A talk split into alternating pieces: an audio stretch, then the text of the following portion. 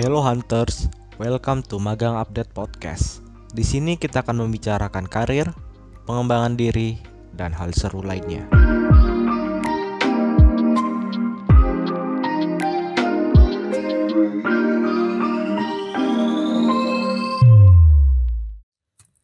Good day Hunters, welcome back to Magang Update Podcast. Gimana nih kabarnya hari ini Hunters? Semoga sehat selalu dan kalian semoga selalu sukses ya. Oke, sebelum kita mulai, aku mau perkenalan dulu nih buat podcast pada hari ini. Jadi perkenalkan, aku Febri, aku dari tim Content Creative and Digital Marketing from Magang Update. Dan di podcast pada hari ini, episode kali ini aku akan bahas dan menjawab rasa penasaran Hunters mengenai prepare your international career, don't hesitate yourself.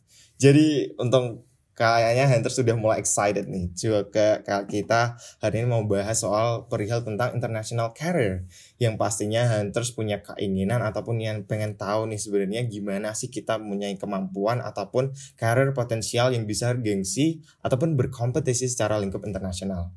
Maka dari itu di podcast kita pada hari ini aku bawa narasumber nih yang pastinya udah kece banget. Jadi mari kita sabut Kak Caca. Halo Kak Caca. Hi, nice to meet you, Febri. Nice to meet you too, Kak. Thank you for inviting me. Yes, sir, Kak. Terima kasih juga udah nyempetin datang buat datang di podcast kita hari ini ya, Kak.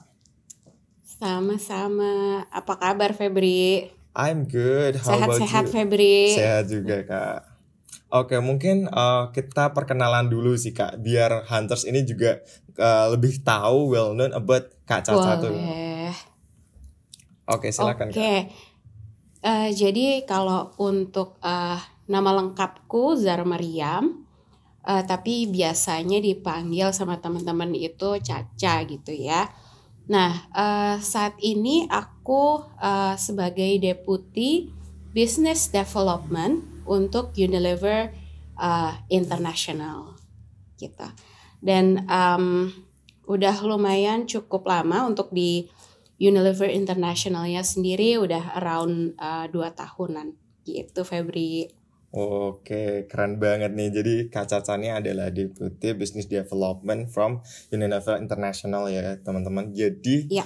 pastinya uh, Kak Caca ini punya experience dan pastinya udah bener-bener mungkin bisa membantu buat teman-teman cara nggali potensi buat di international career nih. Mungkin bisa cerita Yap. sedikit dong Kak Caca soal kesibukan Kak Caca saat ini tuh apa sih?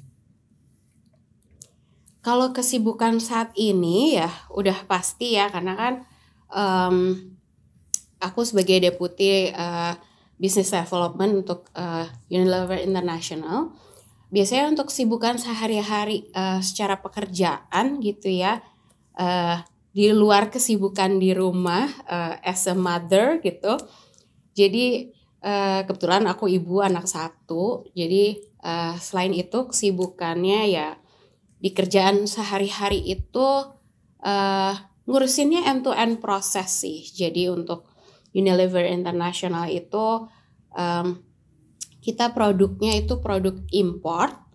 Jadi untuk keseharian kerjaan itu aku ngurusin bener-bener dari forecasting, terus eh ngurusin si eh, business case-nya gitu ya, how to develop the products, how eh, which market that are suitable for the product itself. Terus biasanya kita meeting juga sama global team gitu ya karena most of the products itu juga datang dari berbagai macam negara gitu. Jadi keseharianku itu bisa eh, meeting apalagi sekarang lagi apa terutama during pandemi gitu Iya. ya. Kalau during pandemi itu kan banyakannya uh, Zoom call terus uh, atau Microsoft uh, Teams Teams kalau di di aku pakai Teams call gitu ya Uh, yang seharusnya biasanya gitu kalau uh, pandemi ini tidak ada gitu ya Iya. seharusnya sih aku juga banyak traveling ke uh, mostly Singapore karena kita Hmm. uh, base-nya secara regional base itu di Singapura gitu. Jadi tapi karena ini kan pandemi jadi nggak bisa ke mana-mana juga gitu. I see. Jadi itu sih kalau untuk day to day uh, kerjaannya ya karena apalagi sekarang uh, kebanyakan online gitu. Mhm. Jadi sehari-hari itu sudah menjadi makanan sehari-hari lah untuk meeting online. Oke, Gitu. wah keren banget. Aku juga ngerasain sih kak, kayaknya memang eh, pada saat-saat pandemi yang during this pandemic ini kayak udah ngerasa sering banget ya online banget ya Bari. Jadi kadang tuh ngerasa kayak kurang bersosialisasi dikit sih, karena sering banget ketemu orang dari layar doang kayak gitu. Betul. Terus nanti tiba-tiba kaget syok pas ngeliat aslinya. iya bener. Maka dari itu eh, jadi kayak ngerasanya oh kayak di online ini memang bener-bener kita yang terbiasa buat traveling ataupun kayak caca Kak Caca yang memang harusnya international itu sering banget untuk ke luar negeri ya kak ya. Iya, harusnya begitu, tapi apa daya ya nasib. Jadi cuman bisa online Iya. aja gitu. Padahal harusnya lebih sering traveling, cuman ya ya udahlah ya kita lebih baik di sini dulu menjaga kesehatan Exactly, gitu. exactly bener sih kak. Oke, mungkin sebelumnya aku juga mau penasaran nih kak. Kak Caca itu kan eh, ini udah da- masuk di karir internasional.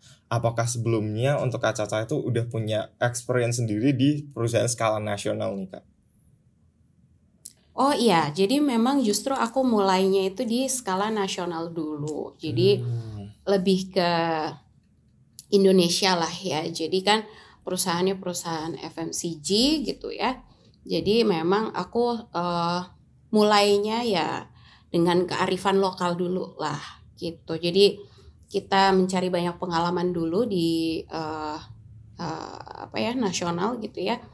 Eh, baru setelah itu em, masuk ke dunia internasional gitu sih. Jadi memang kalau pengalaman eh, mulainya justru dari nasional dulu.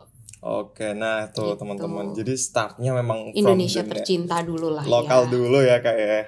Mm-mm. Hmm, mungkin ya setelah setelah da- uh, setelah Kak Caca ini udah gaining experience buat di national dulu, localize dulu.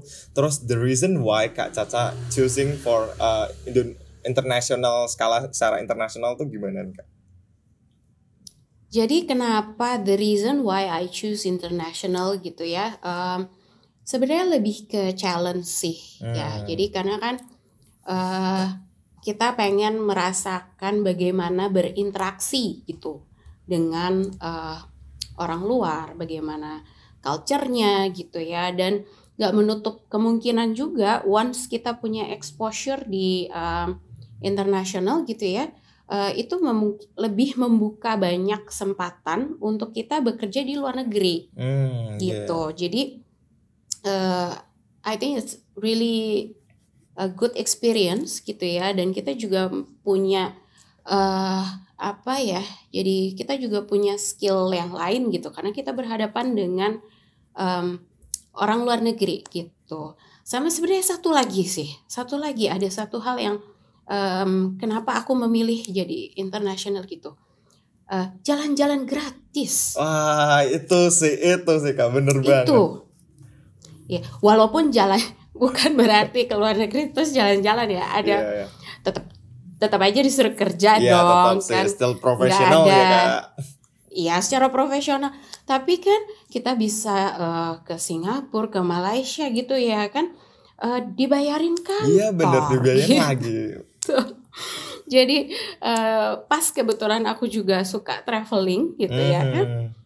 Jadi eh, why not we try international apalagi kalau kalian suka em, jalan-jalan traveling gitu ya karena kan ketika kita ke luar negeri kita kerja ya bisa lah nyelip nyelipin satu dua jam jalan-jalan Bener, bener, bener. gitu jadi ya eh, salah satu alasannya itu juga sih jadi eh, nggak nggak nggak menutup eh, keinginan juga gitu ya di Iya luar sih. karir gitu pengen Hmm. jalan-jalan dibayarin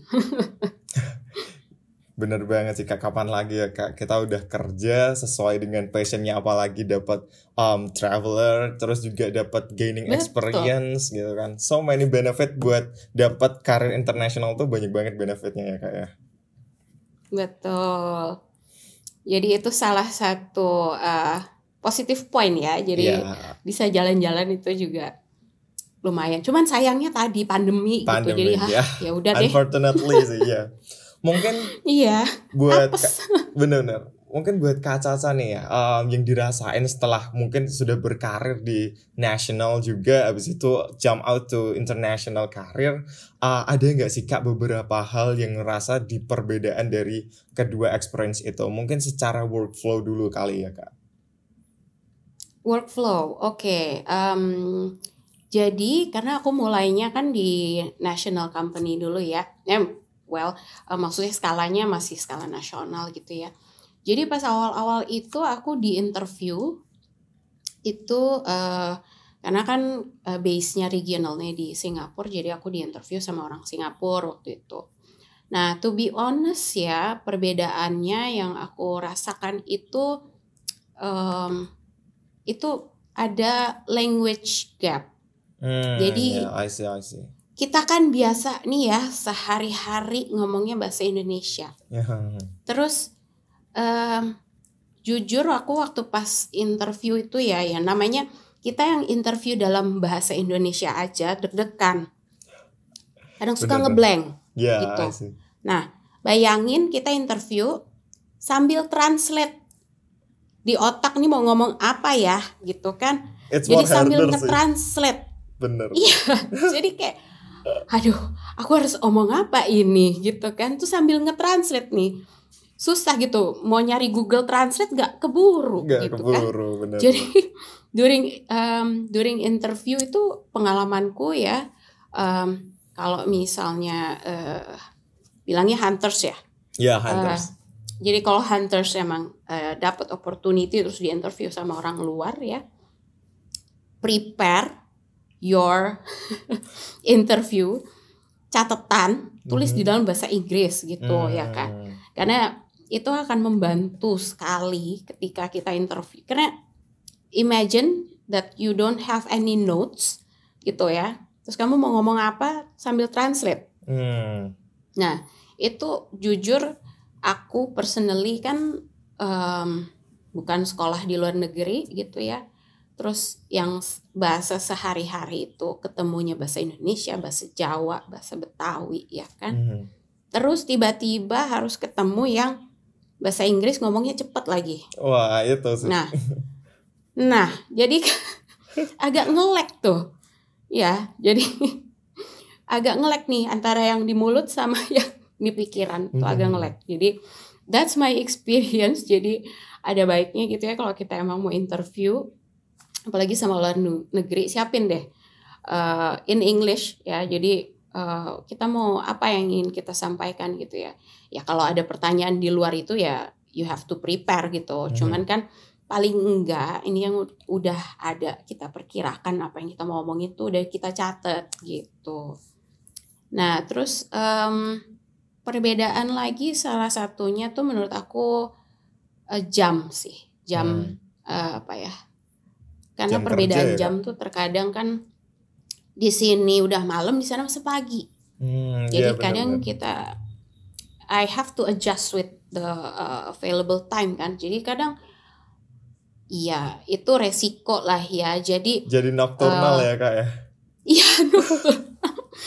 Apalagi kalau lagi callnya misalnya sama orang Eropa atau Amerika gitu ya. Ya, sudahlah Sudah. kita di sana di sana masih sore kita udah mau tidur dur ya gitu benar kan. benar.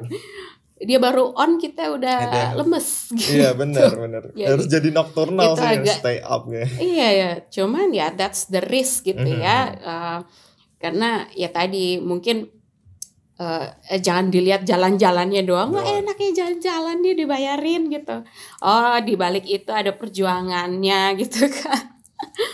Jadi harus adjust secara eh, waktu juga sih gitu. Jadi kadang itu yang eh, kita harus ya eh, pintar-pintar lah gitu.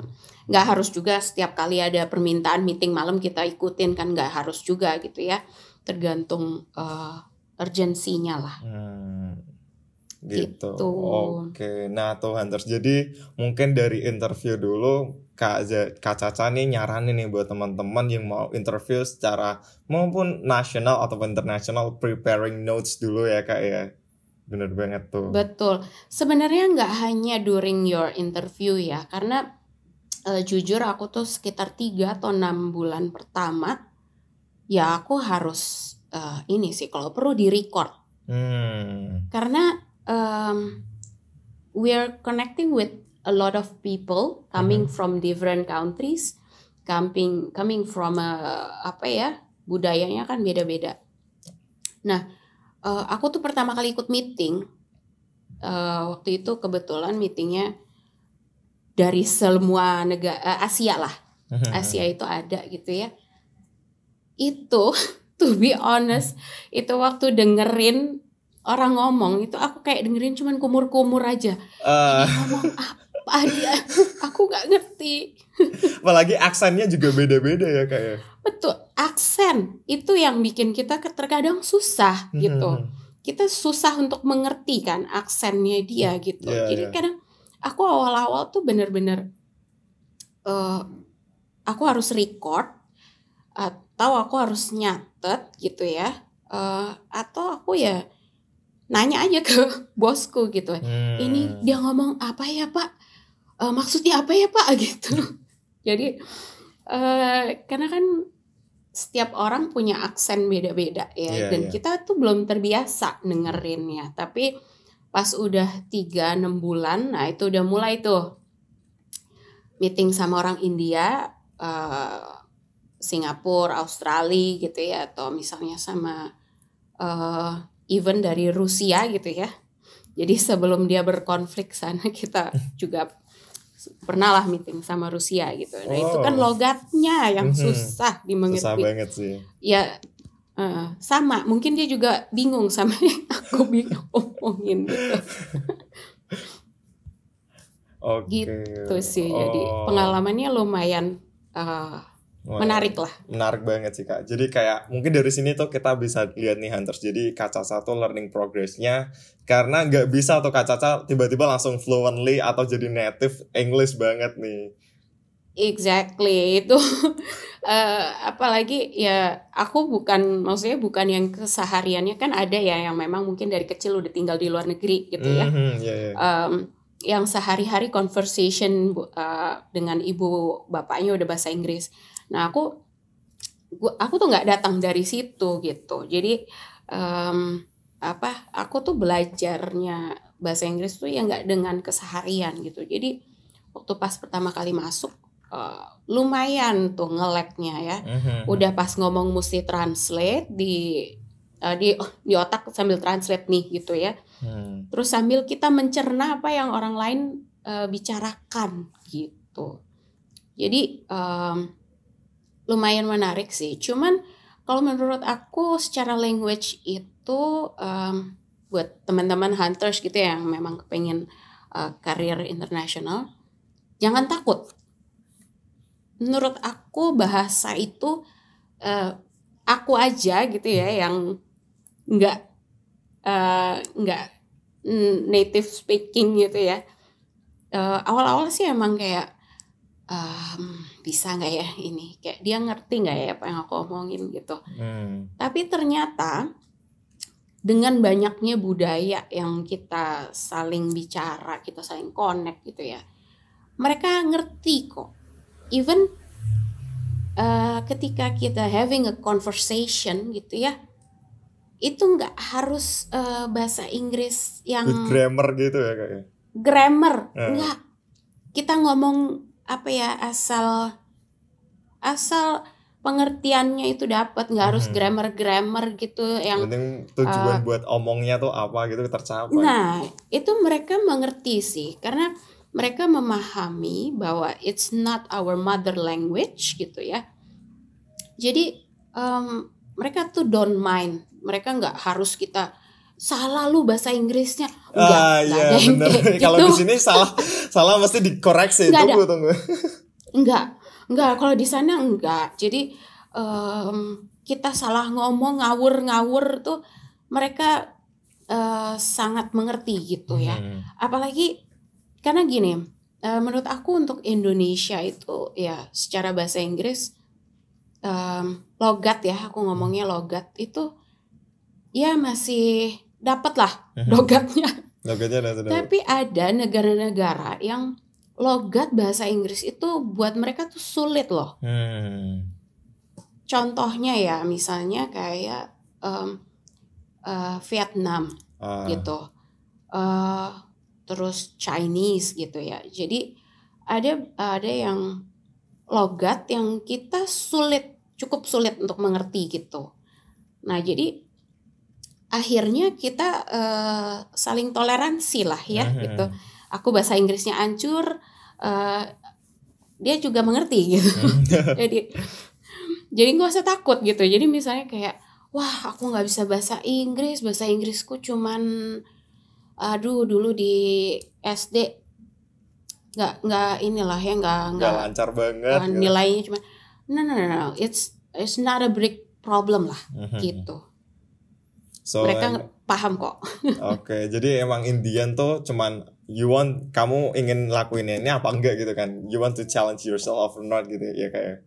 iya betul jadi Hmm. itu em, jangan maksudku jangan takut duluan lah kalau untuk language gitu ya Mhm. karena eh masing-masing budaya tuh yang tadi aku bilang kan ada yang logatnya eh, susah juga dimengerti Mhm. gitu ya jadi eh, cukup dengan toleransi aja sih. Karena Oke. mereka juga ngerti gitu ya kan Mhm. kita eh, itu bukan bahasa keseharian kita gitu. Jadi mereka paham sih. Kadang kalau mereka bingung apa yang mereka omongin ya mereka akan tanya lagi gitu. Kayak sorry what do you mean? gitu. Hmm. jadi kita juga kalau misalnya kita waduh nih orang ngomongnya cepet banget dia ngom ini maksudnya apa nih? gitu ya kan. Tanya gitu. Jadi eh, jangan karena kayak aduh takut ah ntar dikiranya aku bahasa Inggrisnya jelek gitu. Oh, terus nggak mau nanya oh itu malah sesat Iya, malah miscommunication deh. Nah, malah miscommunication pertama. Terus nanti akhirnya apa yang apa ya? Jadi kayak salah brief gitu. Hmm. Nah, makanya mendingan tanya aja. "Em, maksudmu apa? Ini bukan gitu. Jadi kalau untuk bahasa sih ya itu sih jangan Iya. takut lah. Oke, mungkin buat Kak Caca nih, eh, sebelum pandemik lah, sebelum pandemik kan mungkin sudah traveling juga kan. Nah, Kak Caca tuh ngerasain gak sih ada different dari budaya perusahaannya tuh kayak gimana? Kalau budaya perusahaan itu definitely ada ya. eh apa? Karena kan kalau apa ya kalau orang eh, luar negeri gitu ya, itu kalau aku ngerasanya mereka itu lebih individualistis gitu ya. Mhm. Maksudnya em, beda sama orang Indonesia gitu yang apa ya kalau kita kan sangat kekeluargaan gitu ya. Ya, Nah kalau orang em, di orang bule tuh most of them ya uh, you take care of your business, I take care of mine, main, gitu. ya, Jadi eh, mereka nggak nggak apa ya mm, nggak kepo gitu Iya. sama urusan orang gitu sih. Terus em, sama mereka lebih outspoken. oh, gitu. outspoken. Jadi- outspoken tuh maksudnya ya eh, mereka tuh benar-benar mengutarakan eh, what they think gitu. Mhm. Jadi dia nggak suka, dia bilang nggak suka gitu. Terus em, kalau misalnya dia nggak setuju, terus dia punya pendapat lain, ya diutarakan gitu ya. Mhm. Nah, cuman emang di satu sisi juga nggak ada yang baper gitu. Hmm. Jadi kalau misalnya kitanya juga nggak setuju gitu ya, ya udah mereka juga oke eh, nggak nggak terus dibawa personal Bawa gitu ya, personal terus lah jadi ya. dendam gitu ya, ih dia gitu kan, nggak. Jadi mereka benar-benar em, apa ya, ya tadi sih menurut aku out- outspoken gitu ya Mhm. not in a bad way ya bukan berarti terus jadi nggak sopan gitu Iya, iya. enggak tetap sopan tapi memang mereka em ya tadi sih lebih lebih berani kalau menurut aku mereka tuh lebih berani uh, mengutarakan Hmm. gitu sih pendapat. Oke, gitu. mungkin even sama uh, kalau di Indonesia sendiri aja kan kita manggil bos saja Pak Bu gitu Iya, ya. iya benar-benar. Pak Bu Mbak Kak gitu ya. Nah kalau di luar itu manggilnya manggil nama. Hmm. jadi kita manggil even CEO gitu ya kita panggil nama. Hmm. gitu. Dan itu memang normal. nggak ada manggil Ah, dia bingung nanti dipanggil bapak gitu kan ya bah What do you gitu mean, sir? jadi ya? emang kalau dia bingung kalau dipanggil Iya. bapak malah jadi eh, even manggilnya juga nama gitu kan jadi eh, kita kan kadang suka sungkan gitu ya kalau orang Hmm. Indonesia tuh sungkan gitu loh Sungkan banget kan sih. bos gue gitu. Tapi ya memang gitu, mereka nggak akan nggak dipanggil apa ya? Ya kadang kita panggilnya bos gitu. Hmm. Bos eh, gitu. Biasanya manggil gitu. Cuman kalau em, apa ya? Kebanyakan manggil nama sih. Jadi Hmm. langsung aja gitu. Nah, itu kadang aku suka lupa. Mhm. Kebiasaan nih ngomong Oh. sama orang luar manggil nama. Terus di sini jadi kebiasaan. Terus pas ngomong ke apa eh internal eh maksudnya yang Indonesia gitu ya. Iya. Kadang lupa manggilnya nama. Oh. Eh iya. lupa harus dipakai Pak, pakai Mas Hmm. I see, gitu. I see. Emang berarti memang Gitu. kayak ada differentiation dari budayanya juga ya kak ya.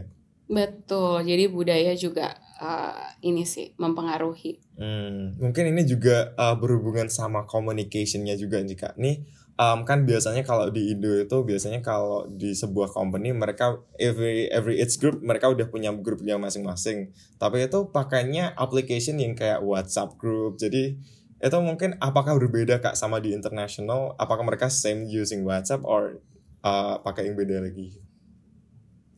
Eh, kita sama pakainya WhatsApp, Mhm. tapi ada beberapa country gitu ya yang tidak mengizinkan pakai WhatsApp. Hmm. gitu jadi em, ya itu kan tergantung ya kebijakan masing-masing negara, Negara. gitu tapi mostly kita pakainya grup eh, WhatsApp sih gitu yang Hmm. paling umum itu grup WhatsApp Eh, kalau untuk negara-negara nah aku kurang paham tuh ya kalau misalnya negara yang WhatsAppnya nggak boleh karena ada ada ada negara yang em, tidak mengizinkan gitu. jadi kayak semacam apa ya emang di blok gitu Hmm. eh, aplikasinya jadi Iya, kalian iya. not even bisa apa kayak download gitu-gitu nah em, biasanya ada beberapa negara yang pakai aduh aku lupa tuh namanya eh apa sih yang untuk eh, turbo VPN ya Oh, VPN oh, akhirnya. pakai VPN. nah mm-mm. Hmm. jadi akhirnya mereka harus kayak pakai VPN gitu jadi tapi mostly sih pakai WhatsApp sih Hmm, Oke, I see.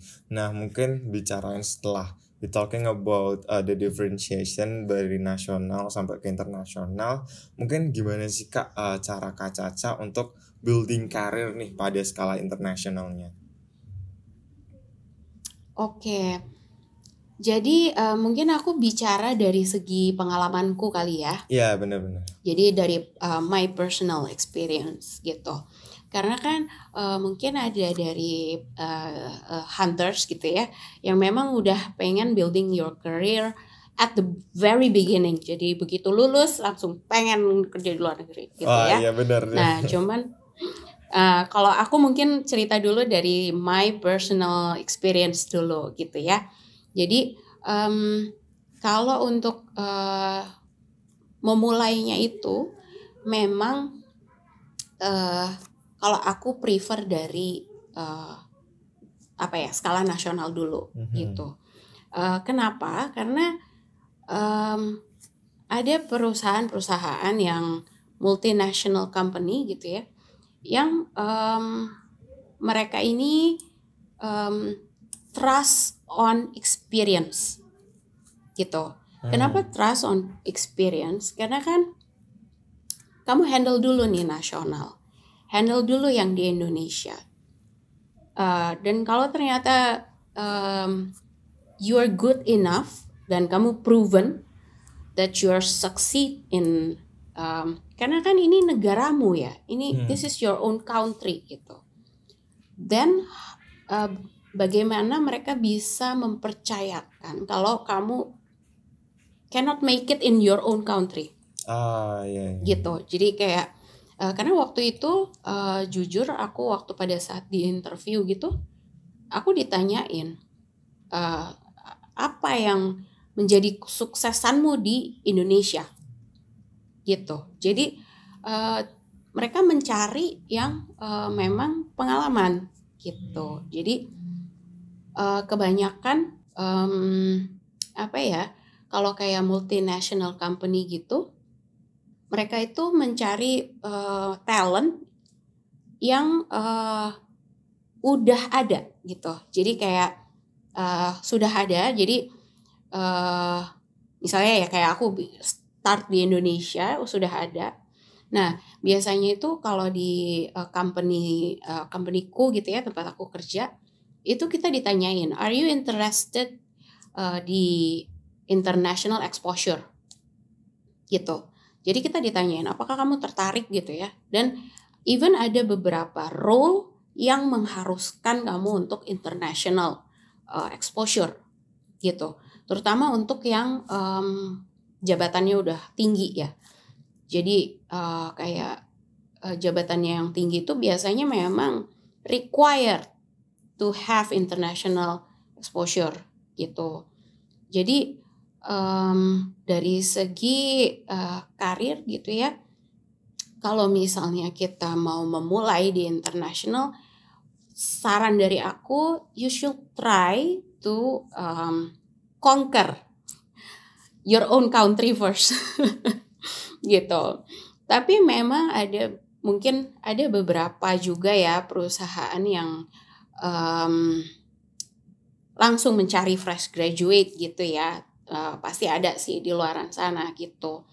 Nah mungkin em, tapi kalau menurut aku ya my personal opinion ya eh, kesempatannya itu akan lebih banyak ketika kamu mulainya misalnya dari multinational company terus eh apa namanya mulai dari lokal dulu terus baru ke eh, apa luar. Karena dengan kita kerja di suatu perusahaan multinasional dengan sendirinya kita tahu tuh informasi di luar sana gitu. Oh ternyata negara ini buka.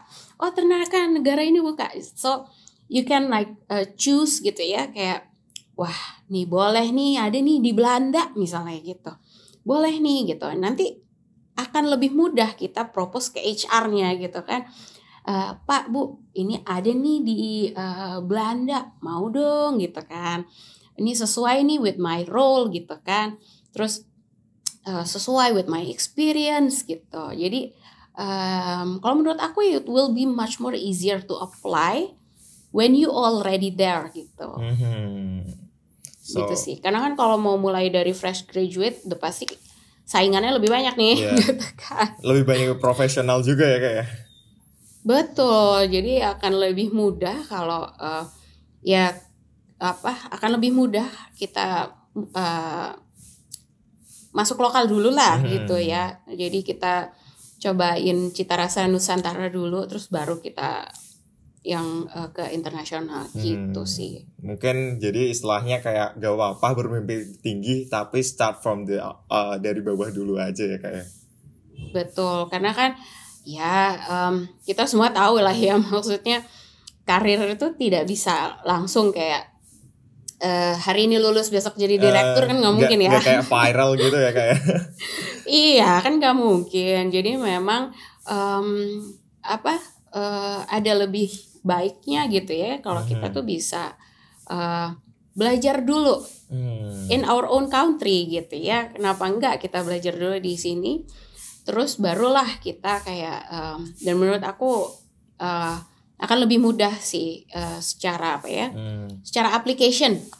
Secara application akan lebih mudah lagi gitu loh. Karena kan eh, kamu akan di endorse oleh karena kan kalau luar negeri itu kamu butuh work permit ya. Yeah. Nggak jangan salah loh maksudnya walaupun uh, kamu fresh graduate and then you want to work abroad gitu ya terus kamu harus punya work permit loh untuk um, apa kerja di luar negeri gitu. Hmm. Nah kalau kamu udah kerja kayak di perusahaan multinasional gitu ya, work permitnya bisa dari perusahaanmu gitu. Hmm, okay, Jadi okay. dia yang akan kasih kayak um, apa ya uh, referensi gitu. Hmm, hmm Itu kan hmm. jadi lebih mudah gitu. I see. Mungkin jadi uh, karena nah, nah dari sini kak jadi kan ketika tadi ternyata untuk bekerja di international company juga itu ternyata butuh hadirnya kayak work permit juga. Nah, mungkin ada nggak sih kak dokumen-dokumen tambahan untuk bisa yang menunjang kita uh, dapat support biar bisa kerja di luar negeri kak? Mungkin kayak tes IELTS or TOEFL kayak gitu.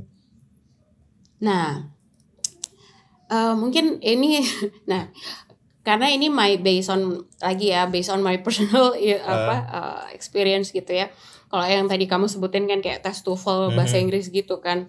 Nah karena aku sudah uh, masuk di uh, maksudnya udah di perusahaannya duluan gitu ya. Terus baru exposure international exposure gitu ya. Jadi aku nggak perlu tuh.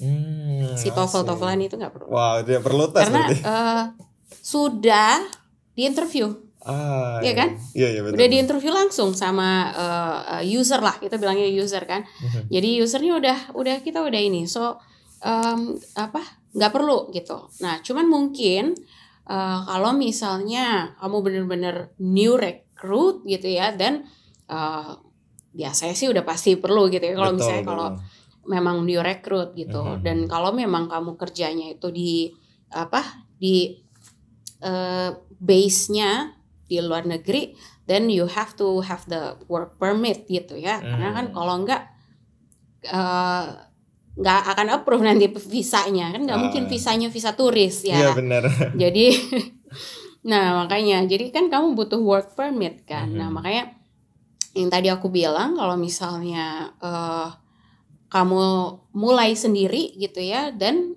kan kamu harus mendapatkan work permit your hmm. own work permit gitu ya tapi kalau misalnya kayak kita udah mulai di perusahaan ini, jadi work permitnya kan dari uh, perusahaan perusahaannya gitu. Oh, jadi makanya lebih lebih mudah lah. Lebih mudah. Gitu. Ini di di luar tadi ya kayak visa. Hmm.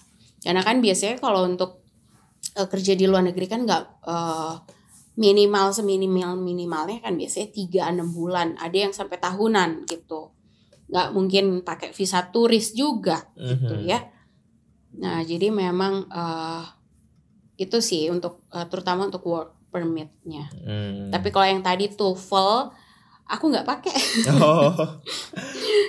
jadi aku nggak pakai waktu pas uh, jadi interview sama apa usernya tadi yang aku bilang jangan lupa siapkan catatan daripada kita gelagapan ya.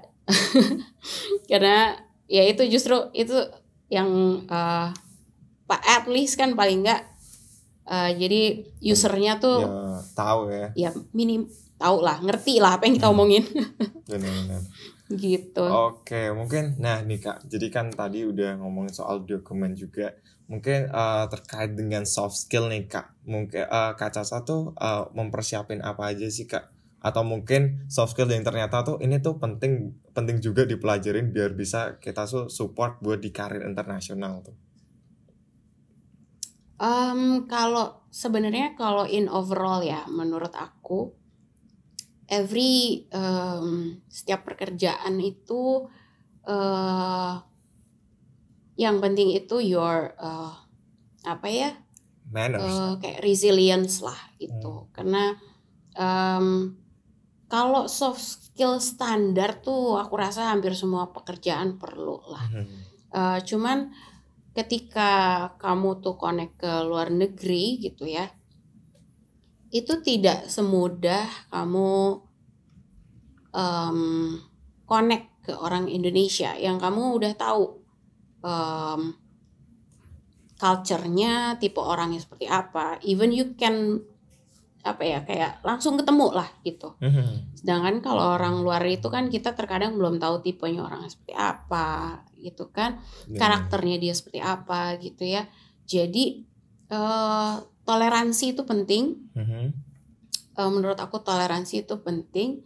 Ya terus sama uh, agility juga sih. Menurut hmm. aku agility agility juga karena kan uh, we are working with um, many regulations, different hmm. regulations gitu ya. Terus uh, terkadang kita harus mencari jalan ninja. Ya, jalan ninja. Uh, betul, uh, iya benar maksudnya karena gini loh ada some of the maksudnya setiap negara tuh punya rules berbeda-beda yeah, yeah. iya kan so we have to understand gitu yeah, jadi eh, nggak uh, bisa kamu samain antara peraturan Indonesia dan di luar negeri mm-hmm. nggak bisa lah gitu jadi um, ya tadi kalau kamu harus apa misalnya di satu negara kamu dilarang dan um, we have to find another way gitu hmm. kan jadi benar-benar your agility your ability to apa ya kayak adjust lah ya hmm. Uh, kamu harus pinter-pinter adjust your own self your own thinking gitu karena kita nggak bisa menyamaratakan uh, peraturan kita nggak bisa menyamaratakan uh, tanggapan orang gitu ya kan jadi uh, itu sih menurut aku karena we're dealing with a lot of uh, different people, a lot of uh, different regulation gitu.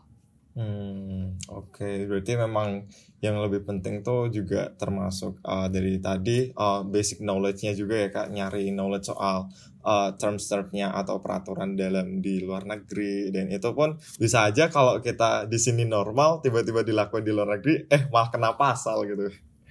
Nah betul jadi beda-beda atau kebalik gitu uh. kan di luar negeri eh sorry earphone aku jatuh. Okay.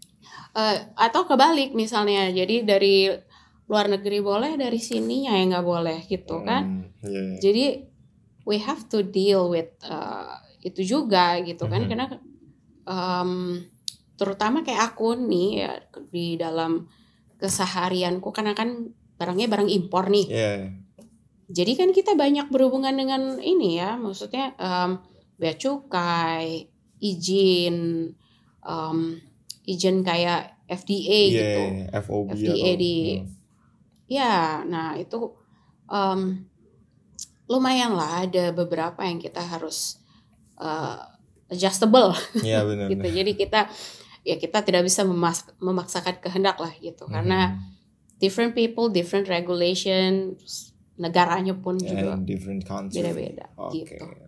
Nah nih kak, mungkin um, uh, kakak dulu pernah gak sih kak uh, nyobain program ataupun pernah uh, disupport sama perusahaan yang memang itu mendukung buat membangun karir secara internasional nih kak?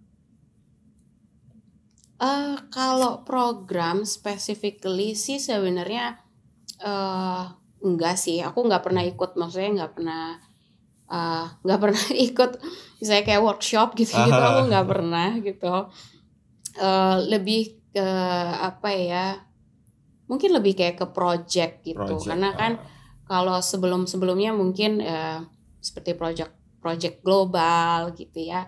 Jadi nggak um, nggak ada maksudnya nggak uh, ada yang spesifik banget gitu sih untuk kayak internasional. Karena uh, kita sendiri pun kan tadi ya dari um, perusahaan itu sudah ada kayak menanyakan uh, uh-huh. do you want an international career? gitu. Jadi mhm. kayak exposure kita bilangnya gitu. Jadi memang itu uh, uh, kayaknya kalau multinational company memang open to that sih. Karena uh, ada banyak teman-temanku juga gitu ya yang um, ya udah dikirim ke luar negeri gitu. Um, ada yang based on request gitu ya ada yang memang kayak sesuai kebutuhan jadi contoh-contoh ya jadi hmm. misalnya di negara A gitu kita eh, nggak usah nyebutin negara lah ya yeah. di negara A itu dia ada um, new role gitu. Hmm. New role yang sebelumnya tidak ada, tapi di Indonesia sudah ada role-nya. Hmm. Okay, okay. Gitu. Nah, biasanya mereka itu akan learning from us. Atau kebalikan. gitu. Jadi ada new role yang misalnya di Indonesia nggak ada tapi di luar negeri sudah ada. Nah itu kita bisa tuh kayak uh, pertukaran pelajar gitu. Oh. jadi kayak pertukaran pelajar, jadi kayak hmm. Kitanya dipanggil atau ada Hmm. orang dipanggil ke sini gitu ya. Eh sini dong bantuin kita set up new role atau misalnya um, ini gimana sih cara ininya developnya gitu gitu. Hmm, Jadi oke. uh, terkadang suka ada tuh kayak pertukaran pelajar gitu. Oh, I see, I see. Berarti memang kayak sebenarnya programnya itu memang udah terlangsung dari kayak project-project gitu ya kayak jadi memang nanti Betul. nge-support buat uh, karir internasionalnya juga. Hmm, oke, mungkin Tuh. ah oke, aku mau tanya nih Kak. Uh, mungkin ada nggak sih Kak dari Kak Caca nih tips and trick untuk mendapatkan kepercayaan pada perusahaan skala internasional nih Kak? Oke, tips and trick kalau dari aku em, pertama eh jangan yang tadi mungkin awal-awal udah sempat aku ceritain, jangan minder dulu Hmm, oke. sama bahasa, karena anyhow em, eh, ada banyak negara di luar sana gitu ya yang mungkin punya problem yang sama Mhm. karena uh, it's not our mother language sekali lagi jadi uh, itu bukan suatu maksudnya uh, yang kalian harus kayak aduh udahlah udah pasti nggak bisa lah gue nggak bisa bahasa Inggris Hmm, No. no. Oke. jangan terlanjur um, apa ya kayak nggak pede gitu ya Mhm. karena um, mereka mengerti kok Uh, so don't hesitate yourself gitu kayak Iya, uh, kalau. Kayak aduh aku nggak bisa bahasa Inggris nggak deh ampun deh jangan deh gitu. Enggak jangan gitu karena um, mereka pengertian gitu. Karena mereka juga mempunyai um, ada beberapa negara yang mungkin mempunyai limit yang sama dengan kita gitu Mhm. kan. Jadi kayak uh, kesulitan gitu untuk Hmm. bahasa gitu. Nah how to uh, kayak mengatasi itu gitu ya ya you have to kayak benar-benar pay attention gitu. Mungkin di awal-awal itu akan susah. Mhm. tapi em, ya kalau sekarang apa sih yang nggak bisa direcord ya? Iya. kalau misalnya kamu meeting record aja gitu. Jadi walaupun pas meeting kita iya mm heeh, iya mm padahal kita nggak ngerti tuh dia ngomong apa gitu kan. Nah tapi kan habis gitu kita bisa dengerin lagi recordingnya gitu jadi eh, hari gini kan eh, teknologi udah cukup canggih gitu ya. Jadi hmm, atau kalau aku zaman dulu nyatet jadi pakai notes gitu ada nih kira-kira dia ngomong apa ini ya? gitu nyatet gitu. Eh, jadi itu sih eh, you have to pay attention dulu gitu pas di awal-awal kalau apalagi kalau eh, language is your barrier gitu ya Hmm. itu benar-benar kamu harus ini sih kayak em, meng, apa ya berusaha menyerap dulu lah gitu. Tapi ya tadi jangan takut. Nah terus yang kedua mungkin em, kalau menurut aku it's your triknya itu apa ya eh, lebih kayak ke toleransi sih. Karena you dealing with a lot of uh, culture gitu. Jadi hmm, kitanya sendiri juga uh, harus uh, nggak boleh baper gitu ya Hmm. karena kan apalagi tadi yang aku bilang mereka cukup outspoken gitu ya jadi eh jangan jangan tiba-tiba terus dimasukin ke hati gitu terus kayak wah rese nih dia nih rese nih gitu.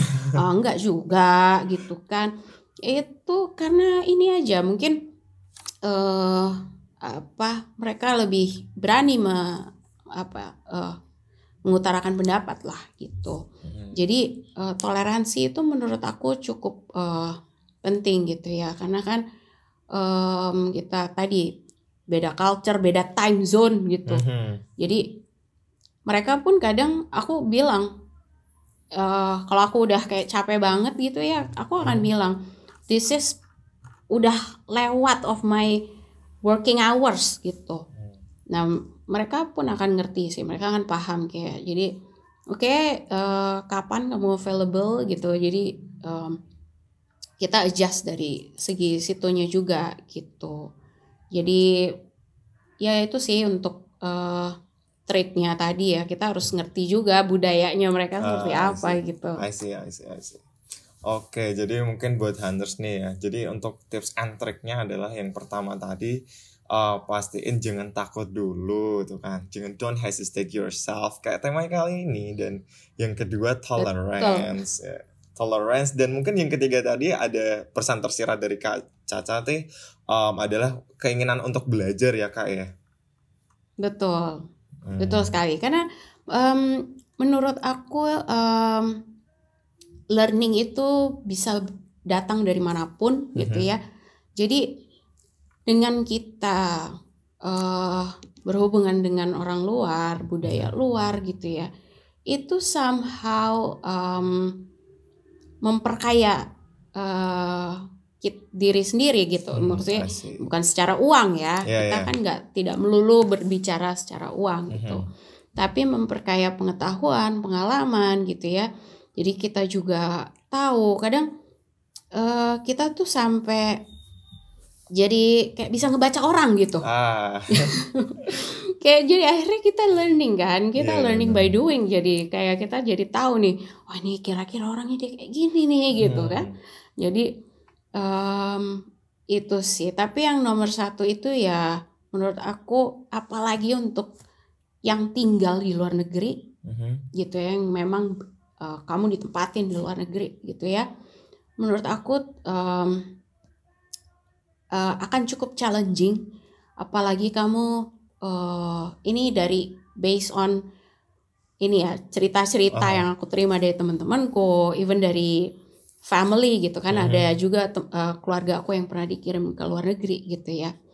Karena kerja di luar negeri mungkin buat kita yang di sini kita akan kayak enak ya. Hmm.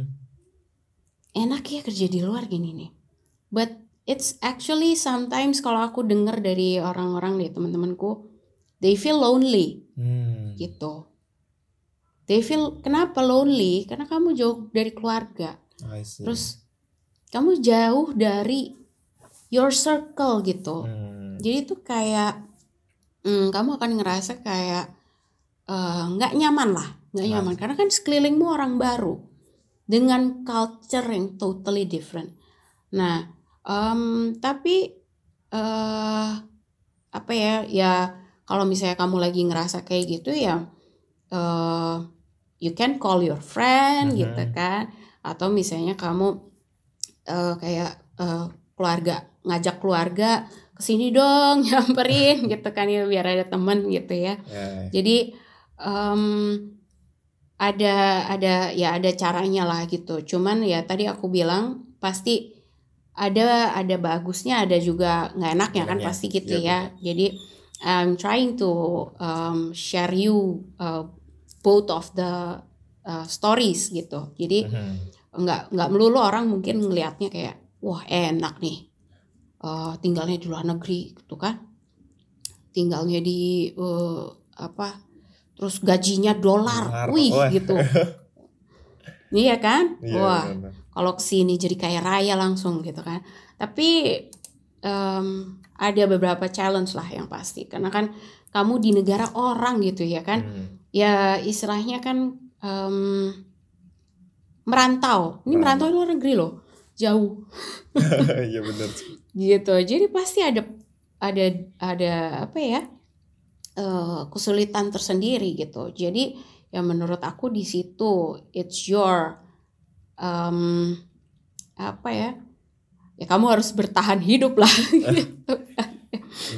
Karena udah susah nih jauh dari keluarga gitu. Jadi memang uh, itu sih. Jadi salah satu pesan aku juga mungkin ya kalau apalagi terlebih yang tinggalnya di uh, luar gitu. Mm -hmm Oke, nah nih kak, uh, setelah tadi tips and trick, mungkin aku akan bacain nih ada beberapa pertanyaan dari audiens magang update nih kak. Oke, uh, aku bacain ya kak. secara general skill apa yang dibutuhkan untuk bekerja di global company selain bahasa Inggris nih kak? Kalau general itu um, kalau uh, ini beda-beda perusahaan beda ini ya beda yeah. requirement ya. Benar. Jadi kalau misalnya um, karena kan orang uh, tergantung bisnisnya bisnis apa mm -hmm. gitu ya. Tapi kalau basic skill general mah Excel tuh udah pasti dipakai di mana-mana. Ah. Okay. Jadi Excel. Excel tuh udah pastilah karena itu kayak udah makanan sehari-hari kalau buat aku. Hmm. Tapi mungkin kan kalau different company mungkin has a different business gitu yeah. ya, mungkin nggak perlu Excel gitu. Tapi kalau different tools bisa jadi kan. Nah, uh, apalagi kayak perusahaan IT gitu kan yeah. mungkin beda ya. Nah, tapi kalau untuk yang berhubungan dengan FMCG Excel is a must gitu. Jadi mm-hmm. kayak uh, itu kayak udah basic banget lah kalau Excel itu. Terus um, presentation, basic presentation hmm. skills of course ya. Karena kan um, mungkin kalau aku bisa bilang presentation skills itu um, you have to kayak uh, adjust with the audience. Mm-hmm. Gitu. Karena tadi ya ada different culture um, apa jadi udah uh, audiensnya beda gitu. Beda sama kalau kita present sama orang Indonesia beda lagi. Jadi yang tadi aku sempat mention mungkin sebelumnya ya you have to find out who who is your audience, audience gitu audiensnya siapa tapi kalau pokoknya Excel sama presentation. Um, presentation skills itu must have lah gitu. Okay. Jadi udah udah pasti sih dipakai ya di apa kayak day to day itu setiap hari semua file yang aku buka Excel, PowerPoint, Excel, PowerPoint, Excel, PowerPoint itu. Hmm. udah standar okay. banget itu kalau ini ya. I see, I see. Nah, oh berarti secara general berarti skillnya memang Excel dan PowerPoint itu adalah sebuah makanan sehari-hari gitu ya kayak. Ya? Iya, itu aku udah tiap hari lah, udah nggak nggak lepas lah itu sampai mastering mungkin ya kak udah ya iya itu udah nggak lepas itu kalau ya. Excel sama ini apa namanya uh, PowerPoint apa, karena kan kita karena kita banyak uh, kalau tadi ya kalau PowerPoint kan it's about presentation ya mm-hmm. kalau Excel kan data ah, jadi yeah. forecasting uh, juga ya. iya data terus um, apa namanya ya tadi kan kita juga harus uh, banyak database lah ya. Hmm. Jadi uh, ya itu kayak data analisis tuh perlu lah. So, Jadi capability your capability to analyze hmm. ya uh, itu penting juga gitu kan. Um, karena kan kita sehari-hari ngeliatinnya data aja data ya. aja gitu kan. Data grafik, data gitu. grafik. Terus sama mungkin um, di luar itu uh, apalagi ya kalau misalnya uh, communication skills as bukan language mm-hmm. gitu ya tapi but how on you approach people mm. gitu jadi approaching different uh, people uh, different regulation ya mm. jadi kadang kita komunikasi ya menurut aku sih nggak cuman di luar negeri tapi juga kadang kan mm. kalau di sini sendiri kita kadang harus ada tarik ulur iya, gitu.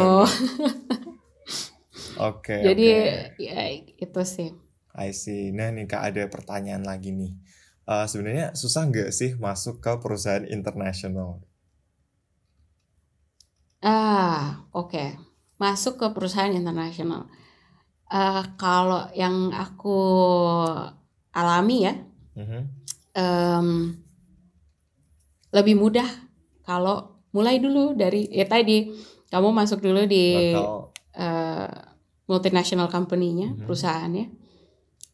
Dan akan lebih mudah kamu dapetin ketika kamu sudah di dalam. Ah, iya, iya. Gitu.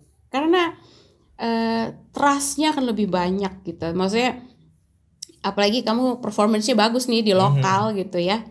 Jadi akan lebih mempermudah. Jadi orangnya kan juga misalnya orang dari luarnya kan pasti dia akan ngecek ke HR di sini kan Iya, iya. HR di uh, sini dia akan ngecek gimana how's this um, person performance gitu ya jadi uh, apalagi kamu udah uh, terbukti lah ya bilangnya udah terbukti jadi itu akan much more easier gitu apalagi kan uh, apa namanya kita punya endorse gitu Ah, punya see, endorse I see. dari our company gitu Hmm. jadi itu akan lebih mempermudah gitu see. um, apa kalau benar-benar apply gitu ya Mhm. apply dari baru ya uh, you have to stand out sih menurut Iya. aku ya uh, karena persaingannya kamu saingannya nggak cuman dari um,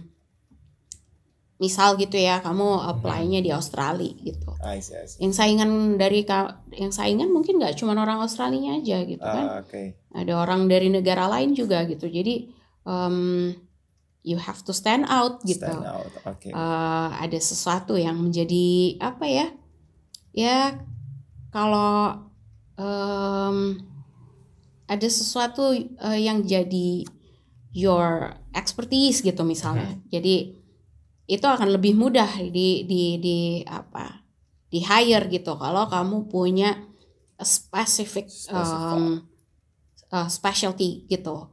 Misal misal aja nih hacker Ah,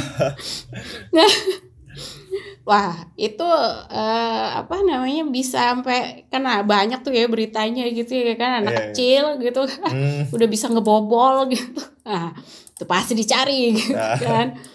iya, benar, Nah, jadi kalau mau lebih mudah ya you have to have to stand, stand out lah. out. Ya, Jadi oke. kayak mulai diferensiasi ya that-. Betul. Jadi something that um, orang lain mungkin nggak punya tapi kamu you have the skills gitu Mhm. ya kan. Nah, itu sih. Oke, nah kak mungkin kita udah berbincang selama satu jam nih gak, gak kerasa ya kak ya? nggak kerasa ya. Gak kerasa banget. Eh, mungkin ada nggak sih kak eh, advice ataupun quote untuk hunters yang dengerin podcast pada hari ini kak sebelum kita closing nih? Oke, Em, kalau dari aku untuk em, hunters teman-teman di luar sana yang mungkin memang baru eh, mau masuk ke dunia kerja atau memang lagi pengen em, merambah ke go internasional gitu kayak Agnes Monica gitu ya. Eh, jadi eh, menurut aku jangan ragu, Mhm. jangan em, eh, pede aja Ah, gitu ya menurut aku karena eh, nggak usah takut duluan karena kita semua memiliki mungkin em, insecure yang sama gitu dengan Yeah. negara lain gitu ya insecurity. jadi eh, jadi belum tentu em, kayak tadi aku bilang bahasa is not em, barrier. bukan your barrier lah Mhm. menurut aku. Jadi there are so many um, uh, learnings gitu ya dari dari apa yang bisa kamu dapat gitu dan um, jangan jangan uh, don't ya kayak ininya ya namanya ya don't hesitate yourself gitu karena itu Mhm. bener banget gitu karena kalau kita udah nggak pede duluan ujung-ujungnya nanti um, akhirnya jadi nggak nggak berhasil gitu Hmm. jadi eh, kemauan itu menurut aku the most important thing is your willing. Eh, pertama itu dulu sih. Kalau kamu ada kemauan and you have your dream jangan ragu-ragu gitu untuk em, eh, apa ya jangan ragu-ragu untuk mencapai itu gitu loh. Walaupun mungkin di tengah jalan eh, kamu ketemu some eh, kesulitan gitu ya. Apalagi kalau kamu ditawarin untuk kerja di luar negeri gitu ya terus Hmm. kamu kayak aduh aku bisa nggak ya? No no no no no. Just do it. Just do it. and learn it by the process I gitu. karena kesempatan tuh nggak akan datang eh, belum tentu datang untuk kedua kalinya gitu ya. Jadi jangan udah duluan pesimis gitu ya. Tapi kalau aku sih eh, karena waktu aku ditawarin eh, aku nggak mikir bisa nggak ya? No. Just accept it. Oke. jadi, terima dulu, Terima dulu. belajarnya sambil Hmm. gitu. Jadi kamu nggak harus punya eh, kayak skill yang gua gimana banget gitu ya, Hmm. tapi kalau kamu punya kayak eh, asal ada kemauan aja, Mhm. asal kamu ada kemauan dan kesempatan itu datang dan take it Um, belajar during the uh, proses gitu sih Alright, kalau dari oke, aku Oke, oke, thank you so much untuk uh, Kak Caca. Aku mewakili pada semua hunters and from Magang Update. Thank you so much buat Kak Caca udah ngasih experience dan udah ngasih pengalamannya, ngasih juga ilmu-ilmu tentang gimana kita um, preparing for international career dan juga berbagi insight yang sepertinya memotivasi Sama-sama. untuk semua hunters. Oke, sebelum aku akhiri podcast episode kali ini, aku mau remind untuk hunters jangan lupa untuk follow Instagram dan TikTok at magang update untuk info mengenai lowongan magang yang lebih lanjut. Dan jangan lupa juga untuk dengerin podcast episode lainnya karena topik yang diangkat pasti seru dan menarik banget nih. Oke hunters, aku Fabri pamit undur diri. See you on the next podcast. Goodbye. bye bye Alright. Hello, thank you for listening our podcast. See you in another episode.